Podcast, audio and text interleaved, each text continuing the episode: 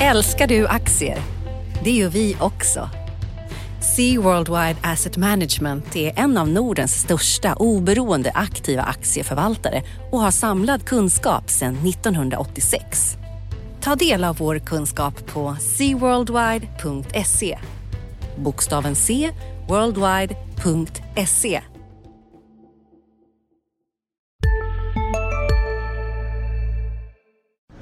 Analyspodden görs i samarbete med Akavia, det nya fackförbundet för dig som är akademiker. Akavia bildades av civilekonomerna och Jusek och är idag det näst största fackförbundet inom Saco. Visste du att ungefär sju av tio tjänstemän i Sverige är med i ett fackförbund? Kanske inte så konstigt eftersom det finns många bra anledningar. Som medlem är du vår högsta prioritet. Akavia erbjuder expertråd inom just din bransch och profession. Dessutom blir du en värdefull del i ett av de bästa nätverken för akademiker. Akavia ger dig tryggheten att våga och verktygen för att lyckas. Vill du veta mer? Gå in på akavia.se. Analyspodden från Dagens Industri. Hej och varmt välkommen till Analyspodden som är Dagens Industris veckoliga försök att sammanfatta det viktigaste som har hänt på finansmarknaderna. Och vi som ska göra det idag är jag, Viktor Munkhammar och Agneta Jönsson. Hej Agneta! Hej Viktor! Hur är läget för dig? Jo då, det är bra. Låt oss kasta oss över eh, det som har hänt. Rapportfloden har ju kommit igång, särskilt i USA, vilket vi ska prata om. Men allra först tänkte jag höra med dig kort bara. Volvo överraskade och släppte sin rapport tidigare eh, än de skulle ha gjort. Eh, den kom här nu på fredag morgonen. Det är ju fredag förmiddag när vi pratar. Eh, vad hände där egentligen? Det, de blev färdiga med rapporten säger de helt enkelt tidigare. Så den kom en vecka innan den skulle. Och det är ju bra måste man ju säga att de kommer ut med siffrorna så fort som möjligt. Och det var en väldigt eh, stark eh, rapport här. Man har ju tagit igen en del utav det man tappade i våras. Så att på det sättet var det bra. Marknaden har blivit mer eh, normal nu. Men å andra sidan så har ju Volvo-aktien gått upp så pass Eh, mycket innan så att det blir ingen större reaktion på kursen utan den är upp 0,8 nu så att det är lite där check in the box. Någon som skrev i ett morgonbrev här på morgonen att det är nu som bolagen får skaka hand med verkligheten så att säga. Så att man stämmer av mot förväntningarna. Eh, och det är ju vad heter det som vi ser i Volvo. Här hade den inte varit så här stark så hade du fått en eh, kursnedgång istället. Det ser ut som det ser bättre ut på orderingången framöver och så här så att det, det kan vara en sån rapport som analytikerna får justera sina eh, förväntningar lite här på vad som ska hända eh, längre fram. Eh, och det är ju också positivt, det vill man ju gärna ha. Det som vi ser nu är ju att totalt sett så förväntas att vinsterna på Stockholmsbörsen ska vara ungefär 15 procent lägre tredje kvartalet jämfört med samma kvartal förra året. Och sen väntas det bli lite bättre då i fjärde kvartalet. Och sen väntar man sig då på att eh, helåret ska blanda ungefär på minus 10 och sen nästa år så tror man att vinsterna ska öka med 20 procent. Och det är det som är det viktiga nu i alla bolagen här, att eh, Eh, Eh, man vill få lite signaler på att det ser ut ser bättre ut nästa år. Så 2020 blir för en hel del bolag lite utav ett förlorat år. Ja, Bra, där fick vi mycket om Volvo-rapporten och annat. Eh, jag ska bara liksom eh, göra en liten programannonsering. Vi ska som sagt prata om amerikanska bankrapporter, det kan du. Vi ska prata lite om eh, Handelsbanken eh, och så ska vi redogöra lite för ekonomisk statistik som en del var lite intressantare i veckan. Vi har fått inflationssiffror för Sverige och jobbsiffror för Sverige och så lite oroväckande jobbsiffror för USA. Och sen eh, eh, bortom allt viruselände så fortsätter ju Eh, Brexitfrågan att väcka viss oro. Eh, Men Agneta, jag vet att du har tittat lite på de här amerikanska storbankerna där ju en handfull har rapporterat i veckan och det är ju en bra temperaturmätare på hur det står till med, med återhämtningen där. Vill du eh, gå igenom lite kort vad du har fastnat för? Precis. Jag fick var på ett föredrag i veckan här. Jag fick lära mig någonting som hette Ockhams rakkniv. Vet du vad det är för någonting? Oh ja, centralt ja. begrepp i filosofin. Eller hur? Och det gör att man egentligen, om man förenklar lite, att man inte ska krångla till saker i onödan, utan man ska försöka hitta de enkla förklaringarna. Ja. Och eftersom de amerikanska storbankerna är väldigt stora och väldigt komplexa så får vi göra det lite här, annars skulle vi få hålla på och podda hela dagen. Eh, det har kommit sex stora rapporter. Eh, världens största bank JP Morgan, Chase, kom med rapport i början av veckan. De har ett börsvärde på 2800 miljarder. Det är tio gånger Nordea typ. Och det man kan se i de här bolagen, eh, JP Morgan Chase, det är ju en kombination utav en stor universalbank, Chase Manhattan, eh, och JP Morgan som en investmentbank som man då slog ihop här efter finanskrisen.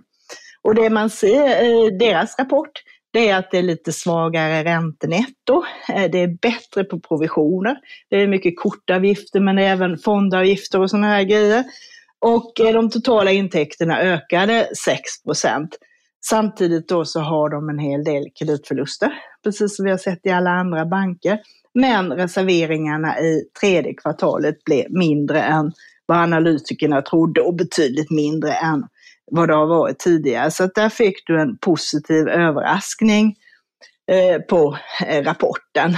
Och tittar du på de andra också så är lite den röda tråden att de som har mycket investmentbank i sig, som Morgan Stanley eller Goldman Sachs som är ren investmentbank, där har du stor, stark utveckling på vinsterna och det är de delarna som är kopplade till kapitalmarknaden, den starka börsen och sådana här saker, företagsaffärer, transaktioner som lyfter resultaten medan de som är mer eh, traditionella banker som Citigroup och eh, även Bank of America och Wells Fargo har det betydligt tuffare.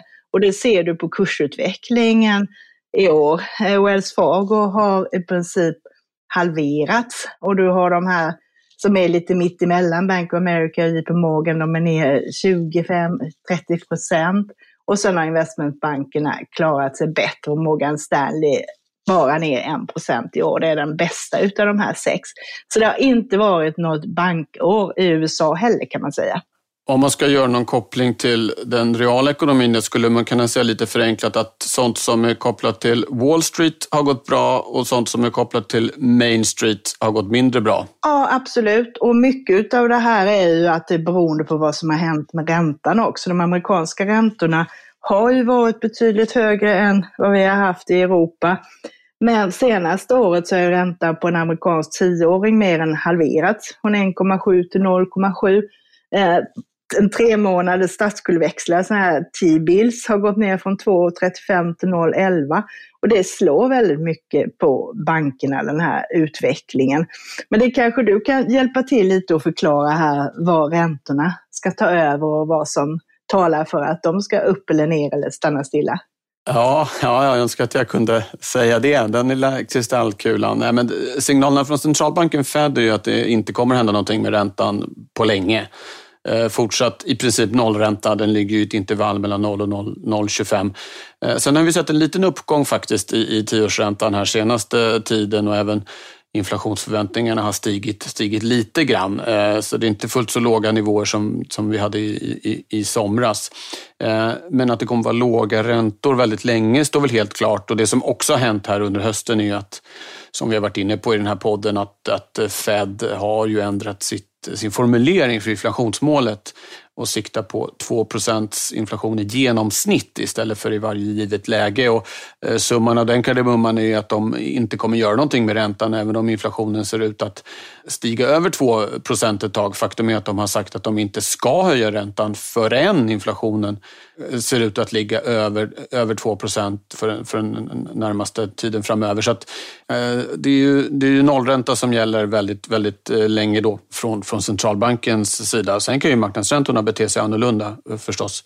Eh, men eh, några, några kraftiga ränteuppgångar tror jag inte man ska räkna med, även om vi ju har lärt oss att det händer saker i ekonomin och visst skulle man kunna skissa på ett scenario i vilket inflationen sticker iväg, handelshinder, deglobalisering, kanske stigande energipriser efter att investeringarna har rasat i backen här nu i ny utvinning och liknande saker. Så det skulle kunna eh, gå att få ihop ett sånt och då kan man ju få lite högre marknadsräntor i, i, i kölvattnet eh, av det. Men, men eh, den, huvudprognosen är nog att bankerna får stå ut med fortsatt väldigt nedtryckta räntor ett bra tag till. Attans otur, då får vi förlita oss på Wall Street då även framöver här. Ja, samtidigt så är det ju så att det, det har ju varit en, en, en, återhämtning i den reala ekonomin. Det vi har pratat om att sätta den i Sverige, det är ju samma bild internationellt. IMF kom med en ny prognos eh, här i veckan där de, liksom i princip alla prognosmakare skrev upp sin prognos. När de, deras, deras nya bedömning då för global BNP är minus 4,4 i år. I juni trodde de på minus 5,2. Då ska man säga att minus 4,4 globalt är ju otroligt dåligt. Man brukar prata om att det är en global recession om världstillväxten går under kanske 2,5 procent. Eh, och nu är det då Eh, minus 4,4 så det ser fortfarande väldigt illa ut. Men det är ju ändå en, en återhämtning som har varit, både i Sverige och i resten av världen, oväntat eh, stark här under, eh, efter, efter kraschen liksom i det andra kvartalet. Eh, å andra sidan så ser vi ju nu i framförallt i Europa men också i USA att det kommer mer smitta. Vi ser att det är partiella nedstängningar så att eh, det hackar ju lite grann får, får, får man säga. Men bild, totalbilden är ju ändå att en, en eh, återhämtning i eh, ekonomin är på väg och det gynnar ju bankerna som man ju kan se som ett slags derivat på hela ekonomin. När ekonomin växer får bankerna mer att göra helt enkelt. Precis, och det som också kan man säga är nu har vi lite tur så kanske det inte blir de här stora kreditförlusterna som bankerna redan tog höjd för under första halvåret. Nu ser man på bred front att reserveringarna sjunker. Och blir det då inte så allvarligt makroekonomiskt och arbetslösheten ökar, vilket är den största faktorn för att privatpersoner inte kan betala lån, eller och att företag går omkull och så, så kanske vi får tillbaka det här om något år. Och det har faktiskt kommit en liten svensk bankrapport redan. Det är den minsta eh, noterade nischbanken TF Bank som kom med rapport igår. Och jag ska inte prata jättelänge om den, men det som var viktigt var att de säger det i rapporten att hittills har de inte sett någon försämring av betalningsförmågan. Och det är det här att det tar tid innan varsel och arbetslöshet leder till betalningsproblem. Så att de fortsatte faktiskt växa och det var en ökning utav deras utlåning. De är framförallt inriktade på privatpersoner och eh, e-handelslösningar. Bland annat har de tecknat ett avtal med Boost om att lösa deras checkout i e-handeln och kör nu en sån här testperiod med det som kallas för Boostlet, deras då outlet på nätet. Så där kan man ju gå in och kolla om man tycker att den fungerar och jämföra med Klarna och sådana här mer eh, större aktörer. Så den är lite spännande. Den eh, banken tycker jag är intressant därför att det växer väldigt kraftigt. De är duktiga på att hålla i det här med, med eh, konsumentkrediterna. Framförallt så har man nu börjat med att ge ut kreditkort i Tyskland, vilket är en marknad som växer. Sista dagarna nu på vårens stora season sale. Passa på att göra sommarfint hemma, både inne och ute och fynda till fantastiska priser. Måndagen den 6 maj avslutar vi med Kvällsöppet i 21. Välkommen till Mio. Hej, Synoptik här. Visste du att solens UV-strålar kan vara skadliga och åldra dina ögon i förtid? Kom in till oss så hjälper vi dig att hitta rätt solglasögon som skyddar dina ögon. Välkommen till Synoptik väldigt snabbt. Tidigare har som bekant tyskarna varit mer inne på att betala kontant. Men nu börjar det växa på kreditkursmarknaden och där är de med. Ja, du var ju, arbetsmarknaden var inne på här då. Där har ju faktiskt kommit en del eh, saker här i veckan. Om vi håller oss kvar i Sverige så Eh, lite oväntat sjönk faktiskt arbetslösheten, eh, visserligen högst marginellt, men ändå till 9 procent i, i, september. Och eh, tyvärr då var det lite av fel skäl som man brukar säga som den sjönk, nämligen att arbetskraften krympte. Sysselsättningen var faktiskt ner. Å andra sidan kan man ju fundera på eh, fel skäl i det här fallet. En faktor är att fler, eh, att inströmningen till universitet och högskolor har varit väldigt stor och det är ju egentligen en utveckling som vi kanske vill se att folk i tider när det är svårt att få jobb väljer att utbilda sig istället och komma bättre rustade ut i vad som förhoppningsvis är en, en bättre, bättre konjunktur. Eh, så att eh, fel skäl den här gången kanske inte är så fel som de, som de brukar vara. Eh, lite eh, glädjande att arbetslösheten sjönk. Eh, hade ju gärna skett ihop med att sysselsättningen också hade ökat. Men om det handlar om att folk väljer att studera så må det väl vara hänt ungefär. En lite, lite eh, snurrig genomgång kanske där av AKU, eh, alltså arbetslöshetsstatistiken för Sverige. Eh, men den var inte helt, helt lättolkad. Mer lättolkat var det vi fick från USA, en sån här veckosiffra över nyanmälda arbetslösa som faktiskt steg, veckans siffra avser då förra veckan, till ungefär 900 000. Och det är ju lite oroväckande. Nu ska man som alltid ta det försiktigt med enskilda siffror, men det har ju varit en nedåtgående trend ganska länge där, även om talen är liksom absolut fortfarande är, är väldigt, väldigt höga. Men nu bröts alltså den, den trenden och det får vi väl se nästa vecka ifall det fortsätter. Det skulle ju kunna stämma med det här vi var inne på tidigare, att vi hade en väldigt kraftig återhämtning och att den nya eh, smittspridningen nu har börjat sätta sina spår kanske, kanske här och var. Så det får man hålla, hålla ögonen på. I USA då så får vi väl hoppas att det fortsätter ner även i Sverige. Och annan svensk statistik från veckan här var inflationen som eh, sjönk markant eh, ner till 0,3 procent eh, i, i september. Men jag tror inte att Riksbanken är så bekymrad över det. Det är hoppiga månadssiffror, stökig statistik, fortfarande problem i en del branscher med att hitta priser. Eh, och det jag tror att Riksbanken snarare tittar på från veckan som gick nu var att inflationsförväntningarna eh, låg kvar på 1,7 procent på fem års sikt. Och det tror jag de är väldigt nöjda med. Det är framför allt de eh, förväntningarna som de är oroliga för än så länge. Så småningom kommer nog även månadsutfallen att börja bli, bli viktiga. Men nu, nu är det snarare förväntningarna de tittar på. Så att summa summarum en ganska okej okay vecka om man är eh, riksbankschef och ska försöka få inflationen till, till 2 procent. Det var en liten summering av den statistik som har kommit här i, i veckan. Är det något mer från börsen som vi ska plocka med oss? Nu, när vi spelar in det här på förmiddagen så har vi fortfarande Sandviks rapport här som ska komma klockan halv tolv. Så den har vi inte med oss. Så den blir en viktig temperaturmätare och viktig för industrin. Eh, hur det ser ut där. Så den mm. kommer att sätta tonen lite. Men det känns ändå som att det är lite eh, positiva undertoner. Det har gått ner lite i USA, det har gått ner lite här också. Och man laddar för rapporterna. Så att, enligt förväntan eller lite bättre så kan det här hålla börsen under armarna. Och nästa vecka så drar det ihop riktigt ordentligt. Så ursäkta Viktor, nästa vecka kommer vi inte hinna med så mycket makro utan då blir det nog börsen för hela slanten. Det passar ganska bra. Det ser inte ut att bli så mycket makro i nästa vecka nämligen. Ska vi nämna, apropå rapporter här i veckan, Getinge som ju eh, sålde respiratorer så det stod härliga till eh, i våras, kom med en rapport eh, och backade ganska ordentligt på den, i alla fall initialt.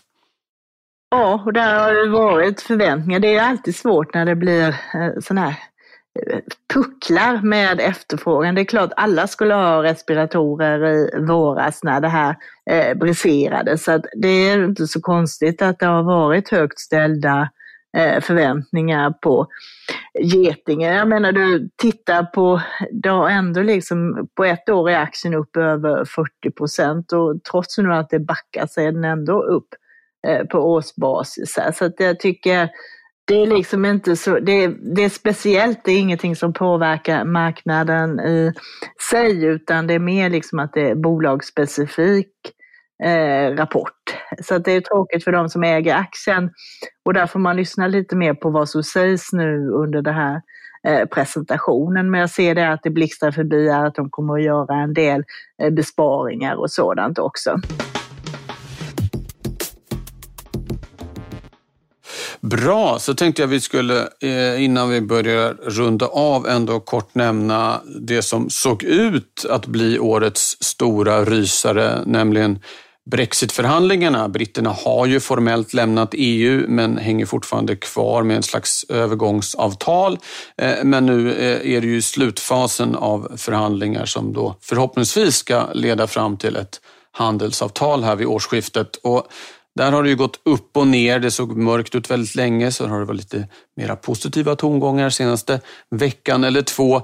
Men från EU-toppmötet eh, igår i går då så kom det ganska hårda puckar i riktning eh, London att eh, nu måste britterna jämka här på, på slutet.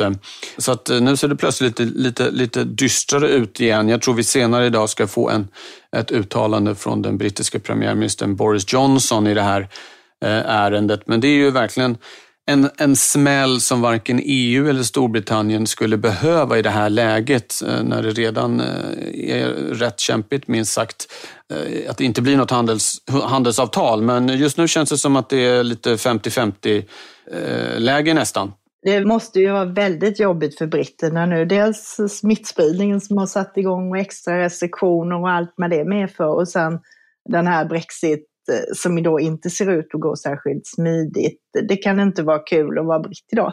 Eh, nej, det är, det, är, det är nog kämpigt. Vi får väl hoppas. Alltså det, det, det borde ju gå att få till ett avtal tycker man. Eh, fiskefrågan är ju i princip eh, jag menar, det är ju en symbolsak snarare än av ekonomisk betydelse. Och sen så är det det här med Eh, att det ska vara level playing field som de, de kallar det. Den kanske är en svårare nöt att, att, att knäcka. Men det, det, ja, eh, det vore väldigt bra om det blir ett avtal kan man väl säga.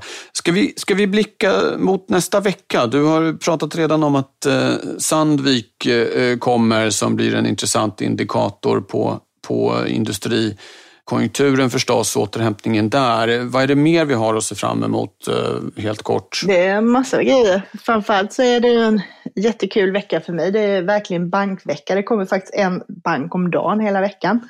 Det börjar ja. med Avanza som är den enda. Eh, det är väl årets stora framgångssaga på Stockholmsbörsen vad det gäller bankerna. Den är faktiskt en kursdubblare sedan årsskiftet. Eh, aktien står nu i 196 kronor, all time high är 198, så du kan ju lita på att det är högt ställda förväntningar. Men allt talar för att det kommer bli en väldigt stark rapport på måndag. Men frågan är hur stark den är, om den klarar att slå det här. Man har räknat med eh, i år att eh, Avanza ska göra en vinst per aktie på 6,80 ungefär. Det är mer än dubbelt vad det var förra året, var det 2,90. Så att förväntningarna är ganska stora, men eh, eh, den kommer säkert att vara bra. Och sen har du Swedbank på tisdag, Handelsbanken på onsdag, SEB på torsdag och avslutning med Nordea på eh, fredag. Och sammantaget lite lägre kreditförluster, eh, betydligt lägre än vad det var under första halvåret. Och eh, den som är störst osäkerhet runt är Handelsbanken som stack ut under första halvåret med att bara reservera eh, jättelite. Under hela första halvåret reserverade man 635 miljoner. Det kan du jämföra med Nordea som satte av 8,8 miljarder till exempel. Och i tredje kvartalet så räknar man att de ska sätta av 627 miljoner. Det är alltså lika mycket som under första halvåret. Men det är ett jättestort spann. Analytikerna ligger mellan 250 miljoner och 1,3 miljarder.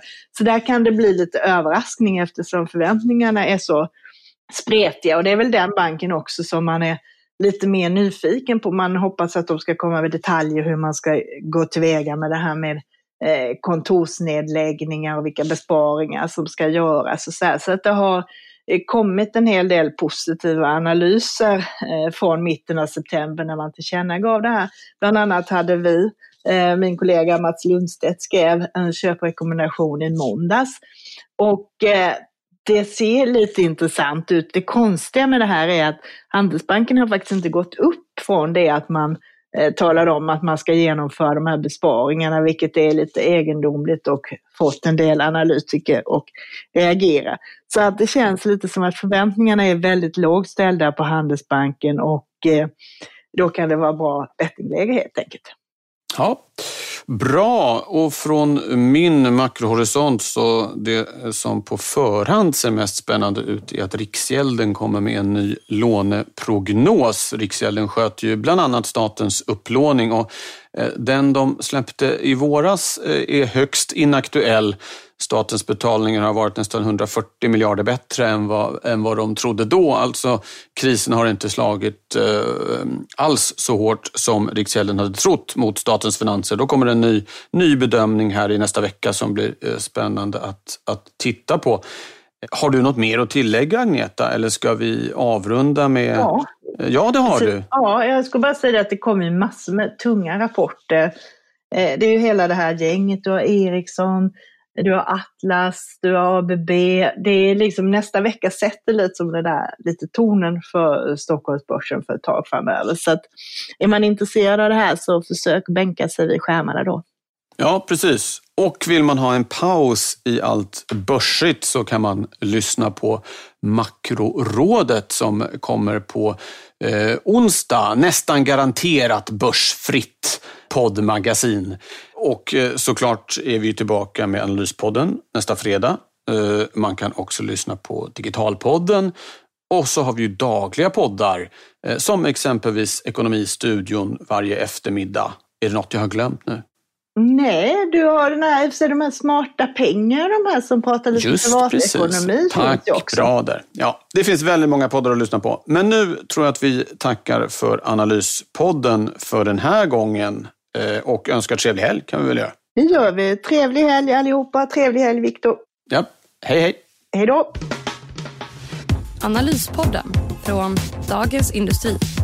Programmet redigerades av Umami Produktion. Ansvarig utgivare Peter Fellman. Analyspodden görs i samarbete med Akavia, det nya fackförbundet för dig som är akademiker. Akavia bildades av civilekonomerna och Jusek och är idag det näst största fackförbundet inom Saco. Visste du att ungefär sju av tio tjänstemän i Sverige är med i ett fackförbund? Kanske inte så konstigt eftersom det finns många bra anledningar. Som medlem är du vår högsta prioritet. Akavia erbjuder expertråd inom just din bransch och profession. Dessutom blir du en värdefull del i ett av de bästa nätverken för akademiker. Akavia ger dig tryggheten att våga och verktygen för att lyckas. Vill du veta mer? Gå in på akavia.se.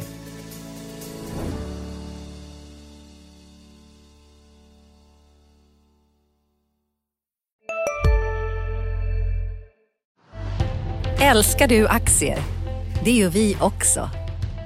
Sea Worldwide Asset Management är en av Nordens största oberoende aktiva aktieförvaltare och har samlad kunskap sedan 1986.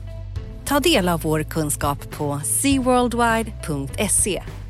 Bokstaven C, worldwide.se